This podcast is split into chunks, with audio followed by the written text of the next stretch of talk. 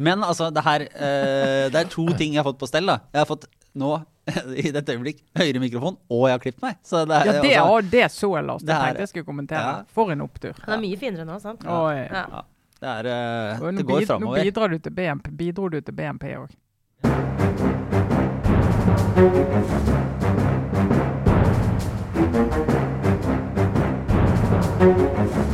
Sånn. Da er vi i gang. I godt humør, vil jeg si, i dag, eh, alle sammen. Er vi ikke det? God dag, god dag, Sara Sørheim. Jeg syns det var å trekke det kanskje litt langt, men helt OK humør. Jeg synes Vi virker som vi er helt OK humør. Og du, Trine Ellersen? Nei, altså, jeg ser lys på det nå. Forrige uke så hadde jeg fått eh, vaksinenyheter som gjorde at jeg så mørkt på det. Nå har det kommet vaksinenyheter som gjør at jeg ser lys på det. Så jeg er veldig labil, vil jeg si. Sånn eh, påvirket av nyhetsbildet på når er det mulig å få en vaksine. Ikke sant. Og Kjetil Alstheim, du har kommet deg etter Arbeiderparti-landsmøtet. Ja, jeg bruker tiden mellom Arbeiderparti-landsmøtet og SV-landsmøtet på å lære meg hva teksten i Elinors vise egentlig er. Ja, for der kan vi komme med en beklagelse fra den lille, lille ekstrasendingen som Kjetil og jeg lagde etter Arbeiderpartiets landsmøte, der vi oppsummerte de viktigste vedtakene. Eh, Det er at Elinors vise så skal det bli like gøy å jobbe som å danse, ikke omvendt. Ja, men det sier jo litt om hva man syns er morsomst i utgangspunktet. Men Kan ikke du bare si, Kjetil, på landsmøtene, nå er det jo dessverre digitalt, da, men sånn ellers når man møtes, så hvordan er liksom journalistenes holdning til å være med på allsangen, da? Bare sånn, da Er man markant sånn med armene i kors og holder helt kjeft, eller? All, allsang er man jo ikke med på. Nei, for det er Nei, viktig, Nei, nei, nei. ikke sant? Ja. Journalistisk Det er jo, eh, poli det er jo politisk allsang. Det er politiske sanger, og vi, vi klapper ikke for taler. Eller det har vi jo da sett noen fine unntak, men de har virkelig skilt seg ut sånn at resten av pressebenken er bare sånn «Åh, Så du hva som skjedde? Men dere, eller vi da, jeg er jo en del av lauget her, men bare ikke vært så mye på landsmøter, eh, drikker av uh, buffeen. Det er greit. Absolutt. Ja. Det er noe annet. Det er kildearbeid. Ja.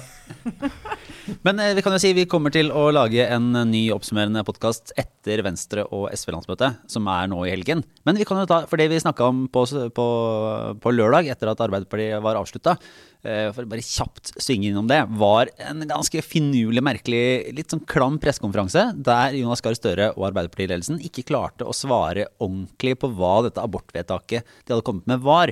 Var det nå fri abort til uke 18, eller var det et uklart system der det var veldig stor forskjell mellom uke 12 og uke 18, og det skulle gjøres et eller annet rart. Og eh, eh, det tok litt tid, men Jonas Gahr Støre har vel nå kommet ut og sagt at eh, ja, den eneste logiske konsekvensen av det vedtaket var at det er selvbestemt abort til uke 18. At det sånn skal det forstås. Ja, Han fikk jo veldig mange spørsmål om dette på pressekonferansen på lørdag. Eh, og det ble veldig uklart. De, han prøvde å lage et skille mellom før og etter uke 12. Og så sier han nå at det, nå er, det er selvbestemmelse til uke 18. Uh, og, og Støre fikk Etter pressekonferansen så fikk han klare oppfordringer fra flere av de som er nær ham, om at han burde gå ut og oppklare dette med en gang. Men det tok fire dager. Og det er en evighet. Det er faktisk det. Det er veldig lenge. Det var veldig, veldig rart. Veldig rart. Altså Enten så får du lov å si når du er gravid i, og jeg kom til uke 17 at eh, jeg vil ikke dette, og så går du og får det fjernet. Eller så sier noen at nei, først er du nødt til å ha en prat med noen. Og så, så var det veldig fint, da, fordi Arbeiderpartiet som Jo, egentlig, for de var inne i en sånn god stim, og det er ikke sikkert at det her dytter dem noe ut av eh, retning sånn sett, men at de klarte å, i, i rett etter landsmøtet, så klarte de å få den, eh, en sak likevel der eh, Anette Trettebergstuen og eh, Ingvild Kjerkol, helsepolitisk talskvinne og leder av kvinnenettverket, var ute og, og ba Jonas Gahr Støre klargjøre dette, og var sånn Han må ha vært ganske Han, han Man må ha vært sliten. ja, Ja, sliten. Du, det var helt utrolig. Det er jo et ord som Det er jo egentlig bare vi kvinner som pleier å bruke det ordet sånn Er så sliten, sliten, sliten. Nå var det sånn. Og det er jo en sekkeunnskyldning for veldig mye. Har du tatt oppvasken? Du, jeg er så sliten. Men liksom det stempelet, for å si det sånn, det er ikke noe sånn det er ikke vinnerstempel å få i panna. Sånn 'Å, han er så sliten'. Det er rett og slett litt sånn nedverdigende å si om partilederen sin. Det kan godt hende det er helt sant, da. Men det var et, en dårlig sak for partiet. Nei, Det var ikke bra. Eller var det sånn, ja, det var- det var- Det hadde kanskje ikke ja, det var sånn, Her er vi, er vi, vil man ikke hverandre mer vel enn å klare å komme seg løp, som levende ut av dette her?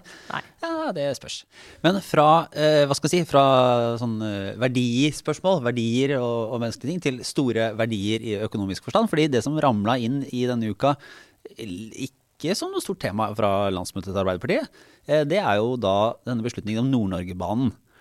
Og som, som Stortinget plutselig gikk inn i i var det nord, eh, nordområdemeldinga.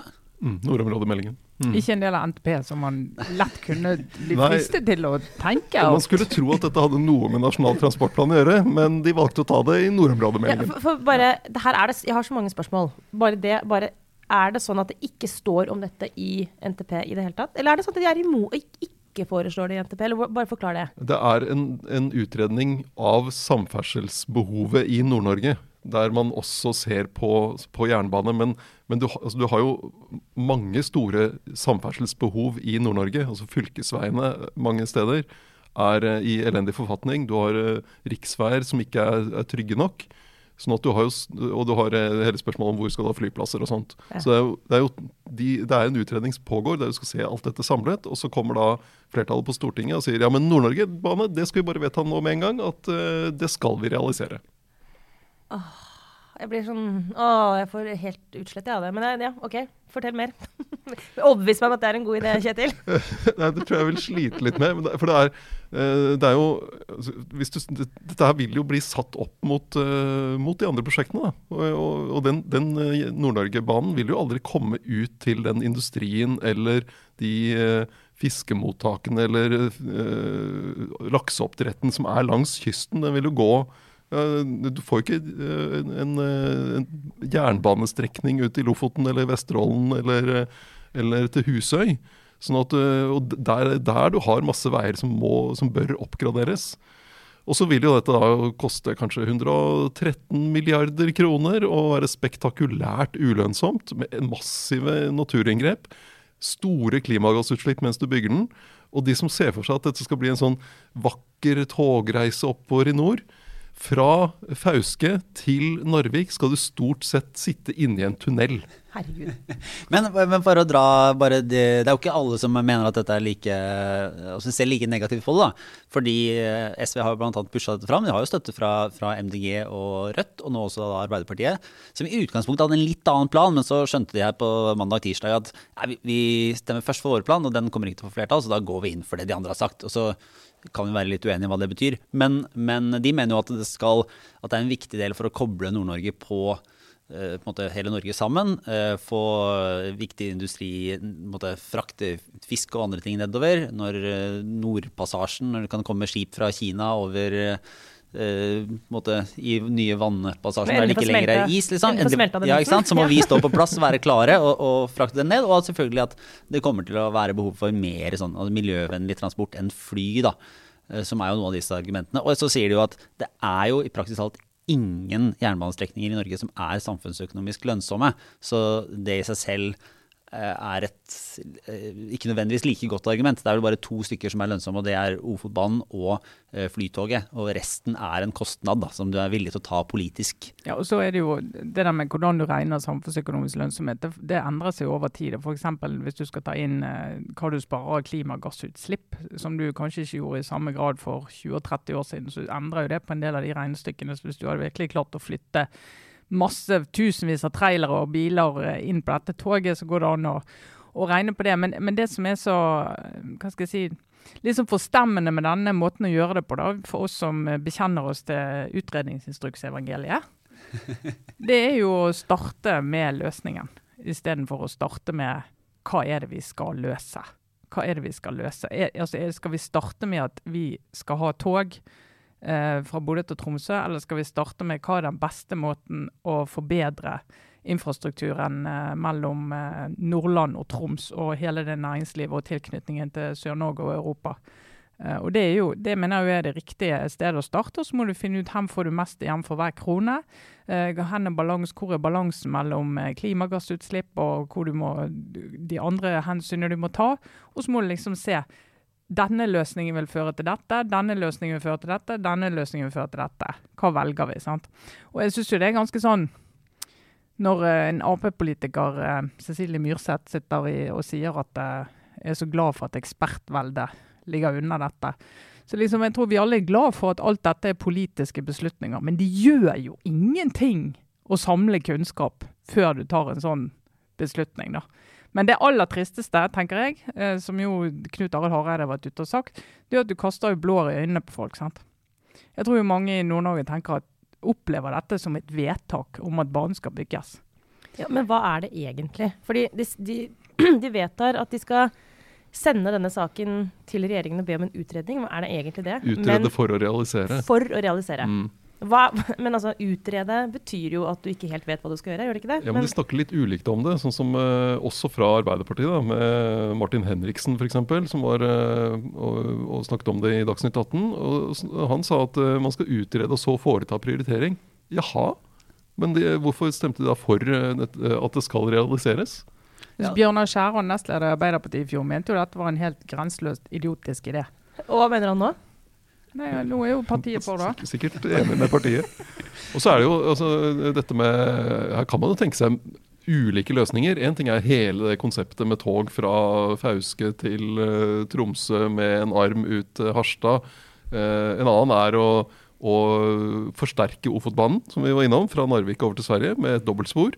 eh, og eventuelt ta en sving derfra opp til Tromsø. Det er også kjempedyrt, altså, men det er liksom litt mindre, da har hun nedskalert det noe.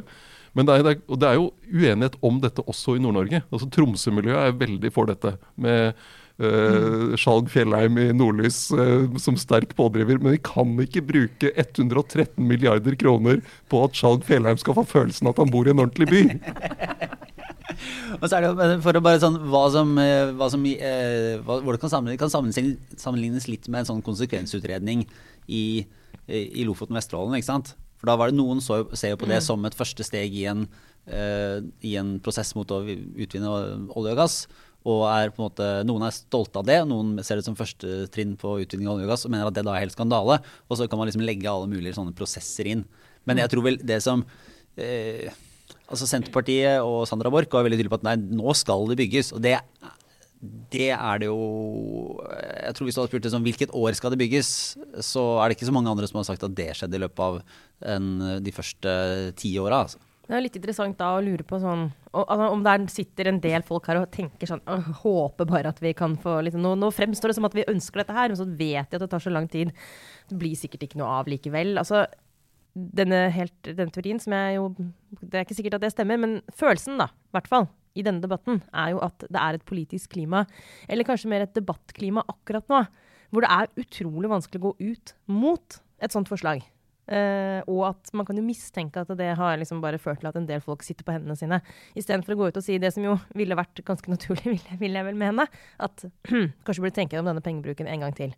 Men det er, det er mulig at det bare oppleves som at det er så, en så dårlig sak å fronte fra opposisjonens side nå, at det bare gjør det ikke. Ja, ja, det er det. Det er jo klima for det, fordi at vi har den distriktsdominansen på det politiske ordskiftet nå. Eh, Men det som er, må si, en del politikere bør ta ansvar for å si, det er jo at det er jo ikke det at vi ikke vil bruke pengene. Hvis det er noe politikere har lyst til å gjøre, så er det jo å bruke penger på samferdsel. Eh, Men når du da møtes med argumentet at ja, men dere vil bare bruke det på tog rundt Østlandet, og dere vil ikke bruke i nord, og dere vil bare bygge veier der det er mye folk. Ja, du vil bygge tog der det er mye folk. Fordi det, er, det er mer effektiv bruk av penger. Det er ikke veldig lønnsomt, men du kan få klimavennlige løsninger hvor du får flyttet enorme mengder mennesker på en altså mer klimavennlig måte enn hvis alle disse skal sitte i bil. Eh, mens andre steder i landet så kan du si det hadde vært gøy med tog. Hadde vært fint med tog, men det er ikke der du får brukt pengene mest. Du får, du får, den totale nytten øker hvis du er mer spiss på hvordan du bruker de pengene. da. Men at de skal bruke penger på infrastruktur, det må ingen være i tvil om. Og så er det noe med Et av de argumentene som eh, eh, altså Sandra Borch fra Senterpartiet brukte i, i den Dagsnytt 18-debatten, var at eh, nå var det liksom Nord-Norges tur til å ha et nasjonalt prosjekt. Fordi Oslo har jo nå fått et nytt, skal jo få et nytt regjeringskvartal til 40 milliarder kroner. For det har jo Oslo skikkelig glede av. Ja, Ja, det, det altså, eh, bare for å minne Sandra Borch om det. Grunnen til at det investeres i nytt regjeringskvartal, var at det var et terrorangrep i Oslo i 2011. Det er ti år siden. Mm. og Senterpartiet har ment at man De sa for to år siden at et nytt regjeringskvartal må bygges i et hundreårsperspektiv. Og det, grunnen til at det blir så dyrt Jeg syns jo det er veldig dyrt. Det å få, få redusert, få prøve å eh, nedskalere det prosjektet sånn at det blir litt mindre dyrt, er lurt. Men Senterpartiet har jo ikke bidratt til det. De ville jo ha, de ville øke arealnormen, altså bygge enda større. Eller at folk, de ansatte skulle ha enda mer plass. Og de ville bygge i tre, uansett hva det koster. Sånn at eh, eh, det er ikke sånn at hovedstaden har bedt om et nytt regjeringskvartal.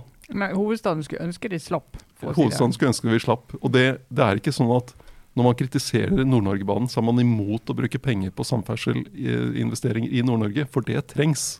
Men de kan brukes på bedre måter enn på jernbane. Men det her er en av de mange debattene som går rett ned i grøften. At liksom, nei, du, du forstår oss ikke. Det er derfor du er imot det, og du vil bare ha til deg sjøl. Jeg tror dette er Norges svar. Det her er liksom identitetspolitikk, eh, norsk versjon. Rett og slett.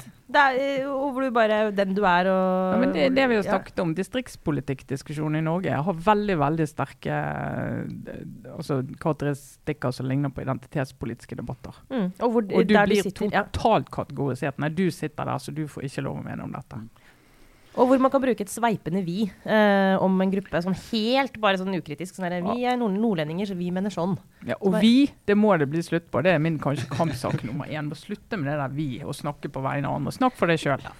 Men eh, vi kan jo gå videre til de eh, landsmøtene som er rett rett eh, rundt svingen.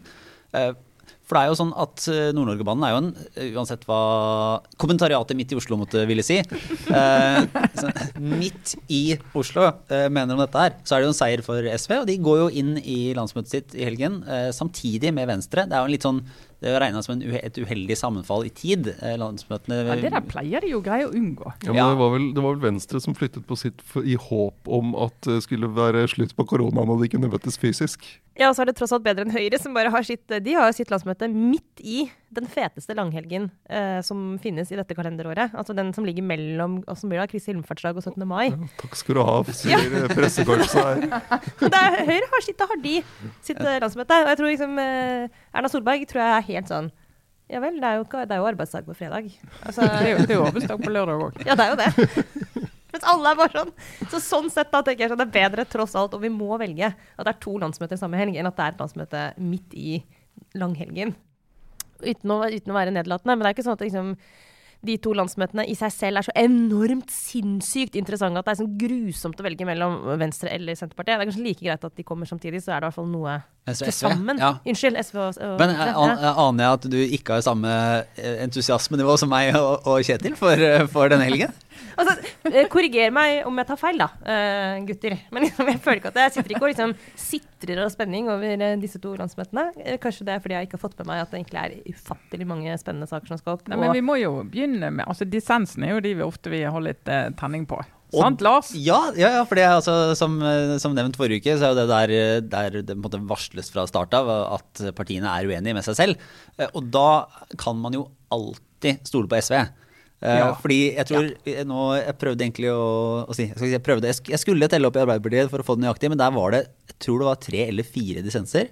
I tillegg til dette spørsmålet eh, om rusreformen, som på en måte var en intern dissens. I SV så går de inn i landsmøtet, men jeg tror det er 32. Nå, Oi!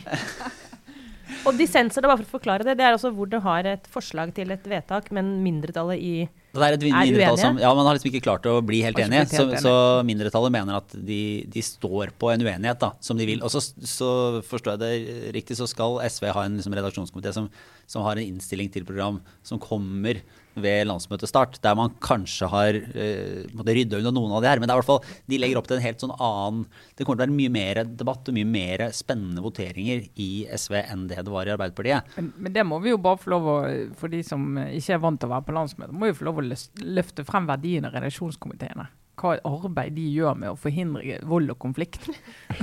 I høyeste grad. fredsprisen. Ja, og ikke minst at de er villige til å påta seg en rolle som innebærer at de ikke får noe av den sosiale gleden ved å være på et landsmøte. De sitter inne stort sett. Døgnet rundt. Ja, Natt og, og dag, og de går rundt i gangene. Kan du godta denne, kan, denne innskutte bisetningen her? Er det greit for deg da hvis vi liksom sier vi skal vurdere istedenfor vi skal gjøre? Sånn går de rundt her. Vi skal utrede for å realisere. Ja. Vi skal utrede for å realisere. Sånn at det ligger jo visst sant? Og sånn, altså virkelig, det er helter. Det må vi si.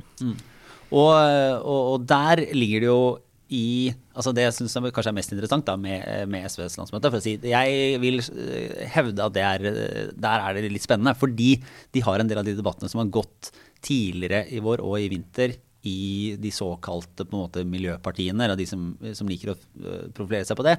Eh, der dilemmaet er sånn fornybar energi og klima mot natur. da. Så det kommer bl.a. debatter som går på vindkraft, både til lands og til vanns, som, som vil kan, kan prege ganske mye hvordan SV vil måtte gå inn i en masse debatter eh, framover. Ikke minst fordi at eh, de kommer med en ganske sånn sterk industrisatsing og ønske om at man skal ha en norsk industri. Og det er liksom en del av den nasjonale bygginga da, som de ser for seg den grønne nye dealen, eller hva, nå hva heter det nå? Det heter det rettferdig Eh, grønn Rettferdig, grønn, rettferdig om altså, det er, hvis jeg- Catchy, altså, det er jeg har- utrolig jeg har, catchy. jeg har notert det, faktisk. Ja. For det var grønn ny deal, det skjønte de etter hvert at det fungerte ikke. Rettferdig grønt skifte. ja. Så det Det er, er året, enn årets, altså. årets nyord 2021. Eh, nei, men altså, inn, inn dette så ligger det at man skal ha en, en del industri, og da trenger man jo fornybar kraft. Og hvis man sier nei, hvis man ender opp der plutselig Rødt var, og sier nei til veldig mye vindkraft og, og ikke har en uh, som finner, Så blir det, sånn, blir det et underskudd. blir det vanskelig å finne ut hvor de skal få all den energien fra. Men dette er også interessant i lys av at de ikke, altså, mest sannsynlig kanskje til og med, eh, sitter i en regjering med Senterpartiet neste år, og da vil jo dette her være en av de Altså miljø mot Eller hva må si Klimasaken mot uh, miljøvernsaken, det er vel ikke helt sånn enkelt å se for seg at Sp og SV skal finne sammen. Så det kan jo bli interessant hvordan, det, hvordan SV håndterer først den interne uenigheten på de spørsmålene. Da. Og så vil jo det gå rett inn i den konstellasjonen senere. De kan finne sammen på mye, mye av sånne støtteordninger. Det kan de. Støtte til utvikling. Og, og det er jo noe øh, som blir spennende på om SV vil gå for satsing på havvind fortsatt. Eh, fordi det, det er de jo villige til, eh, alle disse tre partiene, Arbeiderpartiet, Senterpartiet og SV, å bruke mye statlige penger på å subsidiere frem og hjelpe frem ulike løsninger. Så det, Du så ut som du hadde et spørsmål, Trine. Men det var Ja, Jeg ikke spørsmål. Jeg lytter. Men svar Ja. har du. Nei, jeg har heller ingen svar. Jeg bare Da er det sige inn. Ja, nei, jeg bare, jeg bare, jeg bare sitter og lurer på disse frontene i SV. Altså, Hvem er mindretallet, og hvem er flertallet i f.eks. den diskusjonen der? eh, Nei, altså da er jo Er det geografiske skiller? Er det by, land? Eh, Det er det jo eh, naturligvis, selv om de nok jeg er ikke 100 sikker på om de, går, eh, om de går så klart. Nå er det vel, hvis ikke jeg tar helt feil, så har landsstyret vært inne, altså det er innstillingen fra landsstyret, så der er det om 35 medlemmer, da. Så det er et, blant annet et mindretall som er på 12 stykker, så, så da begynner det jo å Jo, gå, ut, gå utover de liksom smaleste Men, det, men det, jeg tror og har en oppfatning av at f.eks. Oslo er mer hvis du skal sjablongmessig karakterisere det, litt sånn opptatt av eh, klima som helhet, mer positive til vindkraft enn det en del distriktsrepresentanter er. Og så sitter jo Lars Haltbrekken fra, fra Trøndelag og er på en måte også mer skeptisk til Altså mer, mer på naturvern og skulle bare mangle, som tidligere leder i Naturvernforbundet. Stemmer det? Mm, Stemmer det.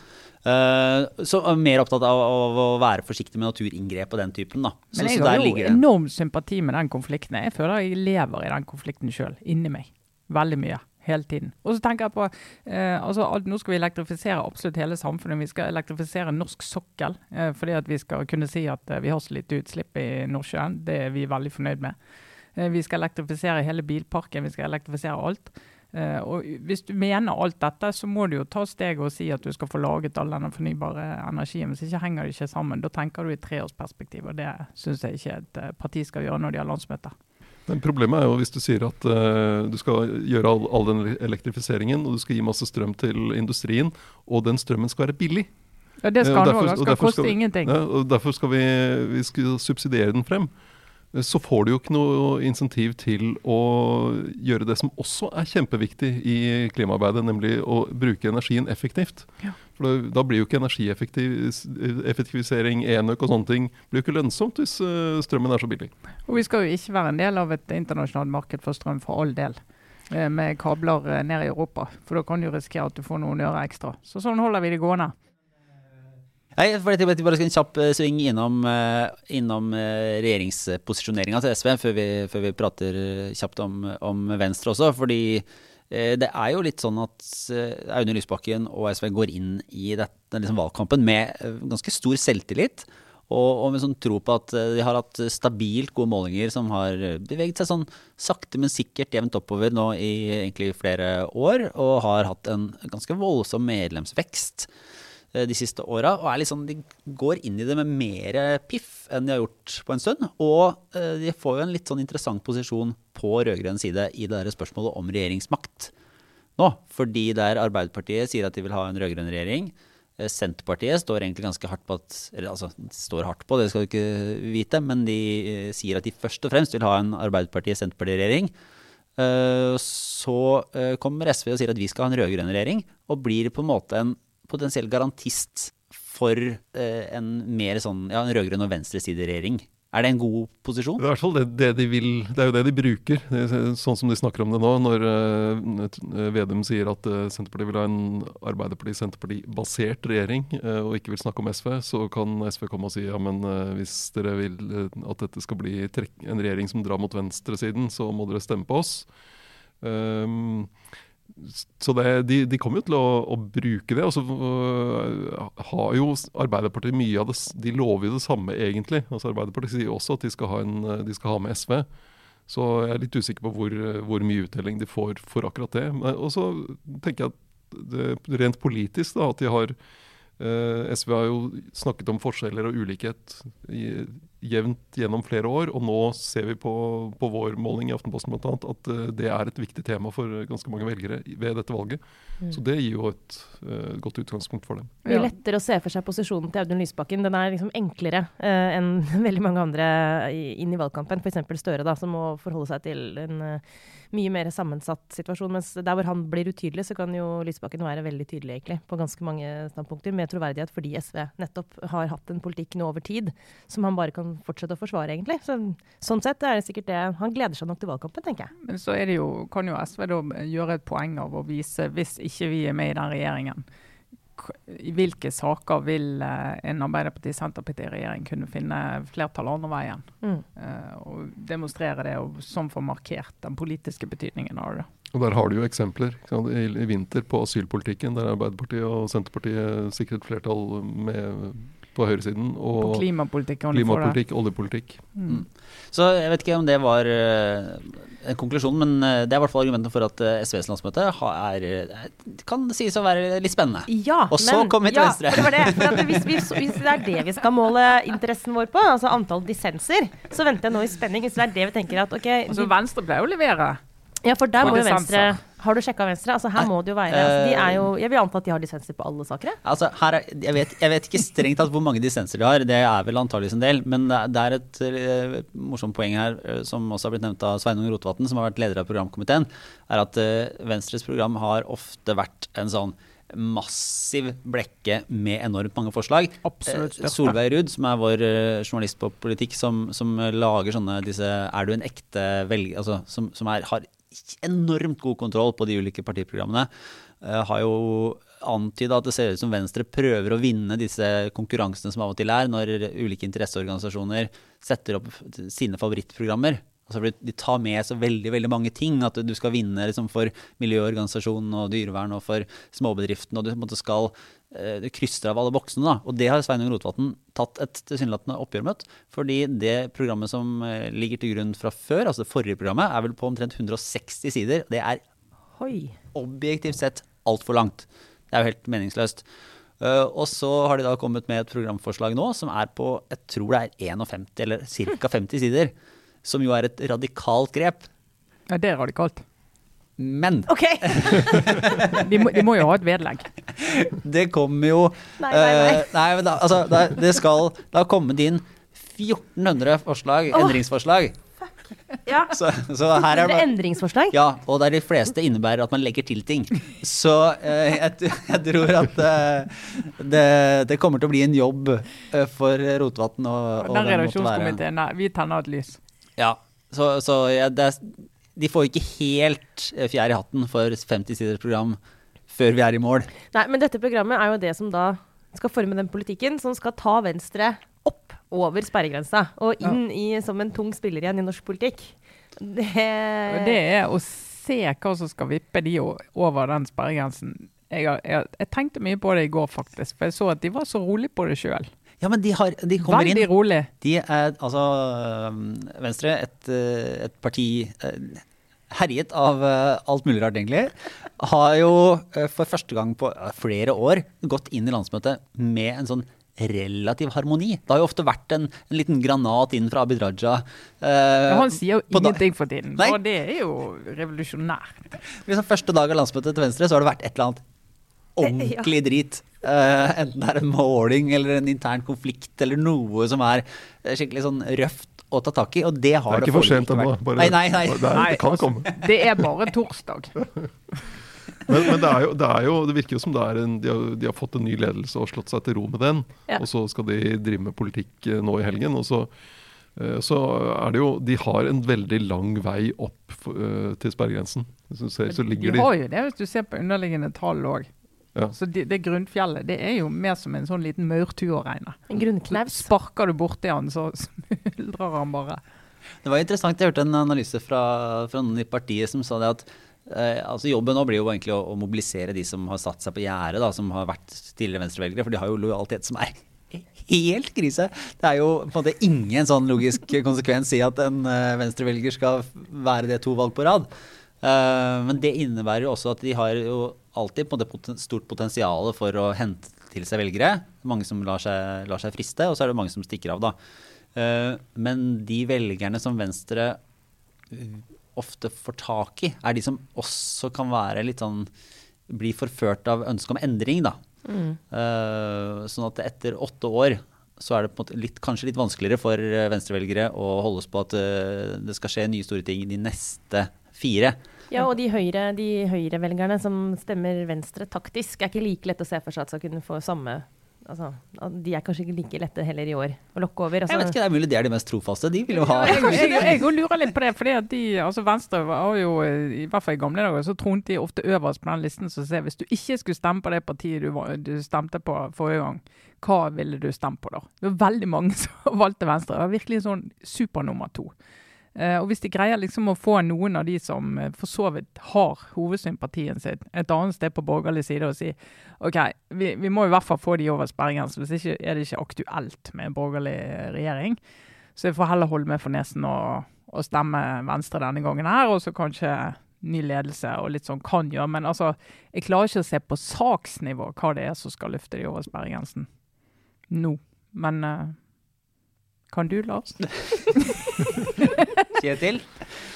Nei, det, det er eh, Det er klart, de har jo klima som eh, Altså, de har jo en, en det er så mange som har det, liksom. Det er mange som har det, så ja. spørsmålet er litt sånn hvor, hvor, eh, hvor viktig det blir i valgkampen. Og så er det litt sånn eierskapet er blitt ganske bredt. da. Høyre er også en helt annen klimaprofil enn Mm. partiet hadde. Og hvis du ser på andre saker altså, Du dro litt gjennom det før sendinga, Trine. men det, er liksom, det har gått litt dårlig med de andre sakene. altså Rusreformen gikk jo ikke så bra. Uh, det Det var- der skole Altså Rusreformen kan du si at det kanskje for så vidt kan ha uh, altså Venstre fikk i hvert fall markert seg der uh, som et parti som virkelig står trygt plassert for den reformen. Så kanskje det, Men jeg mener selve reformen ikke, har ikke gått så bra så langt, i hvert fall. Og det derre skole Herregud, det utspillet til Melby om å kutte fag på skolen og droppe historiefaget og hele den reformen der, er jo, eller var det egentlig en reform?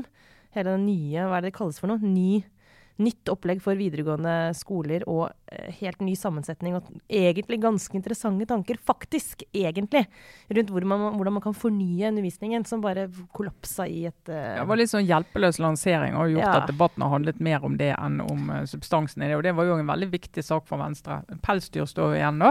Ja, pelsdyr, ja. En ja. viktig seier i disse årene. Men så, så tenker jeg at de har, to, de har jo flere statsråder, åpenbart. De har jo både Sveine Rotevatn, som eh, nå holder på med ting som ikke så mange får med seg akkurat nå pga. nyhetsbildet. Og Abid Raja som eh, i hvert fall kulturlivet. Da ville det være synd å si at de eh, skryter han opp i skyene for tiden. Og han er jo også mye mer usynlig enn han var da han ikke var statsråd. Sant? Fordi at det er, han står i en mye mer komplisert Men, situasjon. men altså, mer, han er mindre synlig, men han var jo også synlig fordi han var involvert i, I mye konflikt. i konflikter. Da. Så, så det er han fortsatt. Så det kan, skal så spørsmålet er om det er bedre å være involvert i konflikter med velgerne, da, altså kulturarbeidere, enn om det er bedre enn ledelsen Men i eget parti. Abid Raja er jo ikke skapt for å stenge ting, han er skapt for å åpne ting. Så han sliter jo big time under koronaen. Ja, kan du Ja, han tenke deg. Ja. du tenke deg. Guri Melby, da, som, eh, som jeg tror altså, Det er litt sånn som med resten av regjeringen. At Hadde korona vært over til jul, så tror hun hadde kommet ganske bra, bra fra det, egentlig. Mm. Eh, men nå vet vi ikke helt hvordan det ser ut til høsten med skole og Ja. de beslutningene som er tatt. da. Og Iselin Nybø, da, som sitter og Næringsdepartementer. Ja, og, og bakser litt på høringen med Bergen Engines og sånn, men det får vi heller komme tilbake til. Eh, men jeg lurer på av, eh, Vi kommer tilbake, mer tilbake til landsmøtene eh, over helgen, eller i helgen, eh, Kjetil og fordi vi oppsummerer og, og ser på det som er vedtatt. Det er jo en del spennende politikk hos Venstre òg, men, eh, men kanskje ikke så sånn gjennomgående store konfliktsaker som, som splitter partiet på altså, det de vanlige venstresakene som splitter partiet i åtte, eller et eller annet.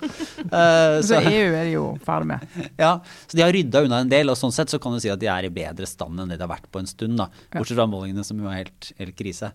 Uh, Alt er bra, bortsett fra oppslutningen. ja. Så da spørs det om det er, er lettere å drive valgkamp enn å holde på med alt det andre.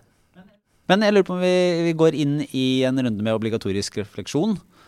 Og der kan jeg begynne, fordi jeg har et eh, slags større tema. Jeg har jo brukt veldig veldig mye tid denne uka på å følge lanseringen av denne europeiske superligaen. Du og ganske mange andre, Lars. Ja, eh, for jeg er jo belemret med en stor interesse for engelsk fotball. Og et av disse ikke så veldig supre lagene som plutselig skulle melde seg ut, starte sin egen lille amerikanskinspirerte eh, liga uten eh, nedrykk. Og lanserte dette. Og det er, altså, det er et grunnleggende helt forferdelig dårlig eh, prosjekt, eh, med ideer som bryter mot alt av i hvert fall europeisk og norsk idrettstradisjon og tankegang. Så, så eh, det jeg er imot nesten mer irriterende, er hvor absurd amatørmessig de klarte å lansere det. Ja, ja, ja, ja. For det er sånn jeg, jeg mister tillit på sånn moralsk på en måte, og sånn forståelsesmessig på sånn hva dere driver med eh, sportsmessig, men også du, du skal gjennomføre en endring som er så stor. Gjør det på en måte som er litt smartere. Altså sånn PR-messig helt høl i huet. Ja, så må det være en av de største liksom, PR-katastrofene i uh, så lenge, altså, nesten så lenge jeg kan huske. Altså, Det, sånn det, det kommer til å være egne kurs i PR-undervisningen der dette er caset hele semesteret. altså, det, men det er helt fascinerende. Hva er det som gjør at man ikke liksom tar en liten avsjekk en gang på sånn Hvordan tror vi dette blir mottatt? Altså, for det virker som det var helt fullstendig sånn uh, uventa at, uh, at folk skulle være imot dette forslaget. Og at uh, til og med liksom, politikerne, i særlig Storbritannia, da, skulle melde seg på. Var, og når de først én, helt uforberedt på motstanden, og to, når den først kom, ingen gode svar. Nei, og eh, ikke minst eh, Altså, du driver Du skal få med deg de største fotballklubbene i verden. eh, så ender du opp på dag to, så får du uttalelse fra de to kanskje største trenerne i verden, da, i, i Pep Guardiola i Manchester City og Jørgen Klopp i Liverpool, som sier at dette er en fryktelig dårlig idé. Så da Ja, og så har du liksom sjøl eh, Boris Johnson og hans regjering, de har jo bare satt seg ned med supporterviewen og bare sier vet du, vi skal regulere dette i stykker. Og du ikke engang har gjort fotarbeidet der. Det er en av de få sakene hvor til og med kongefamilien i Storbritannia har gått ut og vært imot dette her. Og de mener som kjent ingenting. Så det er helt eh, det er, er absurd. Men det er jo veldig interessant å se på. eh, Det er noen strukturer her som gjør at dette skjer. sant? Og det der eier, de eier, eh, altså eiersituasjonen i internasjonal fotball Uh, har jo ganske lenge altså Det er jo det er ganske lenge siden russiske oligarker begynte å kjøpe opp uh, engelske fotballklubber og amerikanske eiere eh, kjøpte opp uh, Deslique og Liverpool, som er mitt uh, lag da, Lars. Dessverre ikke ditt. Du har jo veldig dårlig smak i fotball, men uansett. Uh, er jo eid av John Henry, amerikansk, um, amerikansk eier, som egentlig er veldig populær blant uh, supporterne, og en, en fin fyr. Men helt åpenbart, du kan si eh, ja, det er veldig forskjellige eiere i de forskjellige klubbene. Men det de kanskje har til felles, er at de er vanvittig langt unna eh, supporterne. Og har veldig lav forståelse for kulturen i de klubbene de eier, og tjener sjukt masse penger på. Du, du sier at de skjønner ikke kundene dine. Det er ikke kundedrevet. men det som er litt sånn eh, for det var jo, Jeg hadde en aldri så liten kildesamtale i går Ja. med en av de aller mest fotballfanatiske jeg har i min krets. Og han sa det, det er Noe av det som er veldig fascinerende, de er jo at plutselig disse her russiske oligarkene og araberne de fremstår jo nå som De reddet oss. white guys. Ja. Fordi at uh, Av alle ting kommer de ut med styrket omdømme av dette. Fordi at det var liksom feil person. Altså Qatar sin, eh, sitt eh, fotball mente at dette var en dårlig idé. Så der fikk de en liten PR-seier. Men det er, jo, det er jo et utrolig skittent farvann, da, fordi Uefa og Fifa og disse idrettsorganisasjonene er jo eh, skitne og viser jo gang på gang at de heller ikke har spesielt god kontakt med, med bakkeplanet.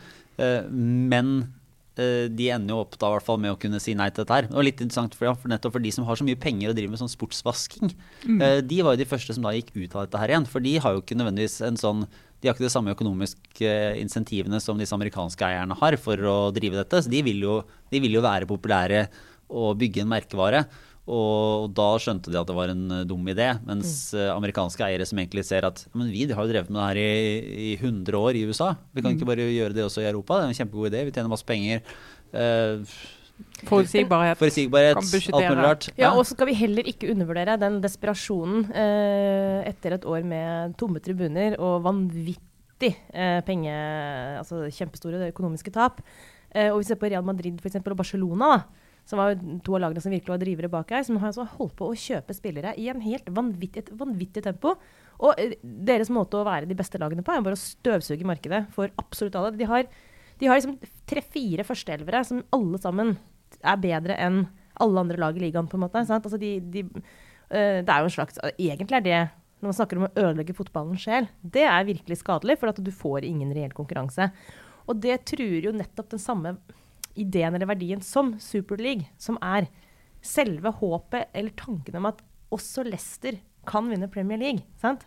Det er nesten alltid de samme lagene som er de beste, men det er mulig systemet er lagt opp sånn at eh, lille Jørgen Hattemaker plutselig kan komme og være best og vinne.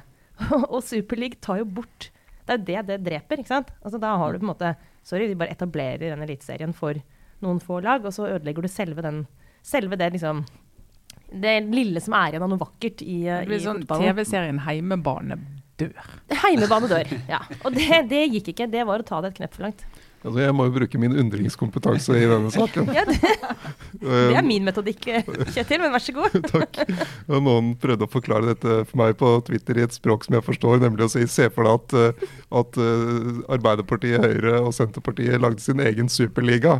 Der bare de skulle diskutere, og de skulle være garantert 25% Og det høres jo forferdelig ut. Da ville det sikkert blitt sånn betalt-TV for partilederdebatten også. ikke sant? Det, det, da skjønner jo selv jeg at dette, dette, er, dette er ikke bra. Men, men en ting jeg har lurt på, da, altså, er det ikke blitt litt sånn idyllisering av hvordan det er nå? Altså det der Jørgen Hattemaker-muligheten til å vinne. Det er jo, det er jo Pengene har jo hatt litt Ja, å si. men jeg tror det som, er, det som er forskjellen her, er at det har gått ett knepp til forbi det at pengene betyr så masse i et ellers likt marked, men det skaper seg et eget marked eh, på siden. da, så, Sånn at du får du, du, gjør for, du gjør det helt formelt og regelsatt sånn at de eh, i utgangspunktet 15 lagene som skulle være med da, i en serie på 20, der fem skulle kunne rykke opp og være med fra liksom bermen, så skulle de 15 bare ikke kunne rykke ned ikke kunne tape. Uh, og da, da låser du det på en annen måte. Men jeg tror det er helt, det er helt sant at, at det systemet som finnes i dag, trenger jo å reformeres litt for at det skal være så jevnt som man drømmer om at idretten skal være. For det er det ikke i nærheten av. Det var er egentlig- ja. men jeg tenker jo kanskje disse gutta, da, for det er jo kun gutter som har eh, bestemt seg for dette her. eh, De har jo gjort det med en eller annen sånn visshet om at ja, vet du, supporterne de hyler og skriker, men de er jo alltid med oss. De kommer til å være med oss likevel. Sant? For supporterne har jo, har jo godtatt alt. Men i der, er der kunne du jo sett for at hvis eh, de hadde gjort litt bedre grunnarbeid, da, som heldigvis de ikke har gjort, at de hadde fått med seg faktisk spillerne og klubbene, altså de som er med i klubben, så hadde det kunnet gå. Men jeg leste en uh, interessant liten Twitter-tråd fra en, en eh, journalist og forfatter, en Simon Cooper, som har skrevet bok om i- idiotisk fotball og liksom økonomi Han og sånne ting. Ah, Du, det kan jeg anbefale. Jeg har faktisk lest flere av hans fotballbøker. Uh, så Ja. gå, men altså, han, er, han, er, um, det han er virkelig god på, er å forstå supporterkultur. Og en, en av de tingene han har eh, vært opptatt av, er hvordan du uh, i et sekulært samfunn Det er ikke et langt tale, altså, men det er et interessant poeng. I et samfunn hvor vi ikke lenger har religion som en sånn samlende felles um, plattform, da, så beskriver han hvordan fotballtribunen er liksom den nye katedralen for veldig mange. Og det å kunne liksom være en del av altså Du synger sanger. Det er jo salmesang, You Never Walk Alone, på en måte. Og det er eh, egentlig en slags fellesskapsfølelse basert på at eh, drømmen om liksom, det vidunderlige som skal skje. Det er bare at det er ikke liksom, Guds tilbakekomst på jorda, det er at Liverpool skal slå Manchester United. Men whatever. Så, så er det øl istedenfor sånn vin i Øl istedenfor vin. Men han, er, han har jo nettopp uh, Cooper har, har en uh, veldig god forståelse av hva det er som kjennetegner en supporterkultur, og hva som skal til for å ødelegge den. Og det er jo det som Det er der det traff nå, ikke sant? Ja. Og, og han skrev også om at det de har funnet, er at eh, nettopp disse ledelsesnivåene i store fotballklubber er på en måte definisjonen på en sånn eh, på et, på et dårlig marked av ledelse. da, fordi at det er helt like gamle, sånn, gamle hvite menn, masse penger. og der du ikke nødvendigvis blir forfremma pga. Uh, kvalifikasjoner. Det er ofte sånn at du dytter inn uh, folk som er, liksom, har en eller annen følelsesmessig kobling til klubben, eller er liksom, slektning av en eller annen tidligere leder eller en tidligere spiller. Altså, har, det er så uprofesjonalisert. Og, og liksom, han snakka om at uh, fotballen og idioti på liksom ledelsesnivå går helt hånd i hånd. Det, er, det, er, et fullstendig amatørmessig bedriftsnivå Eh, selv om det er helt sånn multimilliardbedrifter. Da. Det var litt, ja, litt interessant. Tenker, I vår lille virksomhet her som i denne sammenheng er mikro-mikrobedrift. Det er jo ikke mye vi gjør lenger uten å spørre kunden og brukerne sånn, funker dette for deg, vi vurderer denne endringen. Hva syns du? Gi oss tilbakemelding. Fokusgruppe, snakke med folk. Leser du Aftenposten? Hvordan leser du Aftenposten? Hva savner du? Hva vil du ha? Altså, vi er liksom utrolig opptatt av data. da. Og så sitter de og tar sånne beslutninger uten å ha noen føling med hva som foregår blant de som uh, bruker penger på å se dette. Men åssen uh, er det med deg, Trine? Har du en uh, obligatorisk refleksjon inn i uh, ja, Jeg har jo sluttet å reflektere, jeg. Så ja. jeg driver heller med anbefalinger. Ja, men det er jo veldig fint, det. Nei, altså en av de aller, aller mest solide podkastkonseptene som finnes, som begynte tidlig, det er jo Slow Burn. Slates. Oh, fantastisk. Slow Burn. De lagde Watergate og de lagde Lewinsky, og de holder på med ordentlig, ordentlig gode ting. Nå har de kommet med en om Irak-krigen. Første episode uke eh, er ute nå, så de virkelig går tilbake og nøster opp hvordan havnet vi der, inn i denne krigen som har eh, skapt uro på et allerede urolig kontinent og forsterket den uroen i stor grad. Eh, virker veldig lovende. Virker veldig lovende. Så slow burn. Spennende. Irak-krigen anbefales. Hvordan er det med deg, Kjetil? Ja, bare en liten anbefaling først. da. Ja. Eh, den uh, Snabba Cash, uh, TV-serien. Ja, den er det sant. jeg, jeg har bare sett begynnelsen på den. Det, var, det er veldig lovende, altså. Og, men hør mer om den i Serieprat-podkasten vår, eller Asbjørn Slettemarks anmeldelse. Men det er, jeg tenker, Svenskene de sliter med pandemi, men TV-serier, det, det, kan de. det kan de. Ja. Kalifat. Og, jeg har ikke sett den tynne blå linjen ennå, ja, men den er jo litt mer omstridt her i, i vår lille kohort. Men altså eh, Dagsrevyen på søndag. Eh, hovedoppslag om at eh, det er fint vær i Oslo, og folk går ut i parken. Eh, og så da en serie spørsmål om eh, hvorfor, hvorfor kommer liksom ikke politiet og jager dem. Det var noe av det mest autoritære innslaget jeg har sett i norske medier. Ja, vet du hva? Eh, Fortsett. Jeg bare, ja. jeg bare, nikker til de lytterne der ute. Jeg bare ja. nikker, For du sa noe om uh, autoritær og moralisme her som jeg kjente at det appellerte til meg, Kjetil. Fortsett. Ja. Og så har vi da vår mann Hans O. Tor Torgersen ute med dronen sin, tar bilde i Tøyenparken, og du ser et oversiktsbilde der folk altså det kunne, de, folk sitter så organisert med sånn eh, god avstand til neste gruppe. Det, de kunne ikke vært regissert bedre i Nord-Korea. Eh, og så må man tenke på hva er det folk gjør i denne byen? De, prøver, de har vært i sosial lockdown her i snart et halvt år. Og de prøver å holde reglene om at du ikke skal ha mer enn to gjester hjemme. Eh, og at du helst skal møtes ute. Og da er parken ute. Og folk går jo I går kveld, da var det ikke varmt. Det var under ti grader. Da satt folk i parken på et ullteppe. En av dem med en liten bursdagshatt på hodet. Og så hadde de feiring fire stykker. ikke sant? Fordi de, de prøver å gjøre som best de kan og holde de smittevernreglene. Og da tenker jeg, da unner jeg dem til og med å bruke den engangsgrillen som de har, som er noe svineri selvfølgelig, men jeg unner dem det. Og sånn at det man burde ha her, det er jo ikke kjeft. Dette er koronaflyktninger som prøver å komme seg ut av leiligheten sin og få litt frisk luft. Her burde Røde Kors stille opp med ullpledd. Ja. og sånne, sånne der, som ser ut som en aluminiumsfolie som man kan ha rundt seg når man er veldig kald. Ja, hjelp i nærområdene. Men, men jeg, har, jeg, jeg, jeg, så ikke dette her, da, og, og bare for å forstå. Men, men, inngangen, eh, og jeg så jo flere som eh, hadde saker på dette her, at, at bekymring for parklivet men, eh, men var, var, politiet på en måte klare på at dette var deres oppgave, eller, altså, eller ikke var deres oppgave? Hvordan er det eh, Det var en statssekretær, statssekretæren til Bent Høie som ble intervjuet. og Han var jo ganske rolig på dette her. Fornuftig nok. Så det var mer NRK som var opprørt over at, over, over at det var så mange folk ute i parkene. Og det, folk sitter jo ikke nødvendigvis med så stor avstand som de bør, men de sitter i hvert fall ute, og det mm. er bedre enn at de møtes inne. Åssen er det med deg, Trine? Nei, nå har vi Sara. Det var meg nå. Takk for den Hvordan er det med deg, Sara? Har du en obligatorisk refleksjon? Nå ble jeg snurt. Nei, du er krenka. Nei, jeg skal gjøre det veldig kort, altså, for det er egentlig svært tema. Men jeg skal egentlig bare runde av, for vi har sikkert snakka lenge nok. Men, men bare, denne uken har jeg tenkt på, uh, og det er litt sånn faktisk uh, i sammenheng med det vi akkurat har snakket om, hvordan denne situasjonen vi er i, liksom gjør at du får lyst til å skape syndebukker. Uh, og du får en sånn nymoralistisk vind som blåser over landet, hvor det er sånn konkurranse i å gjøre alt riktig og følge reglene best og sånn. Men også sånn finne de syndebukkene, finne årsakene til at vi får disse smittebølgene, f.eks. Og i lys av det så har du jo denne uken, faktisk forrige uke, så kom FHI med en rapport eh, hvor de prøvde å finne ut av altså de rett og slett bare de deler det de har av data på hvorfor du ser så forskjellig utslag i smitte hvis du ser opp mot eh, etnisk eh, bakgrunn. Og eh, at du har liksom deler av innvandrerbefolkningen hvor du har en mye høyere smitteandel enn i gjennomsnittlig norsk befolkning. Og det har vært masse diskusjon om dette her. Det har vært flere teorier om hva som kan være årsaken. Trangboddhet f.eks. Eh, sosioøkonomiske forhold. Men kortversjonen av FHI sin rapport er egentlig at de klarer egentlig ikke helt å finne en sånn type konkret, faktisk eh, grunn til at disse dataene er så forskjellige. Eh, så da blir det litt mer opp til at der sannsynligvis ligger forklaringer andre steder. F.eks. For kanskje kulturelle forhold. Men det har ikke FHI gått inn i. De har bare egentlig konkludert med at de mer objektive faktaene du kan måle, gir ikke et 100% svar på hvorfor det er sånn. Vi må forske mer, er jo det de sier. Ja.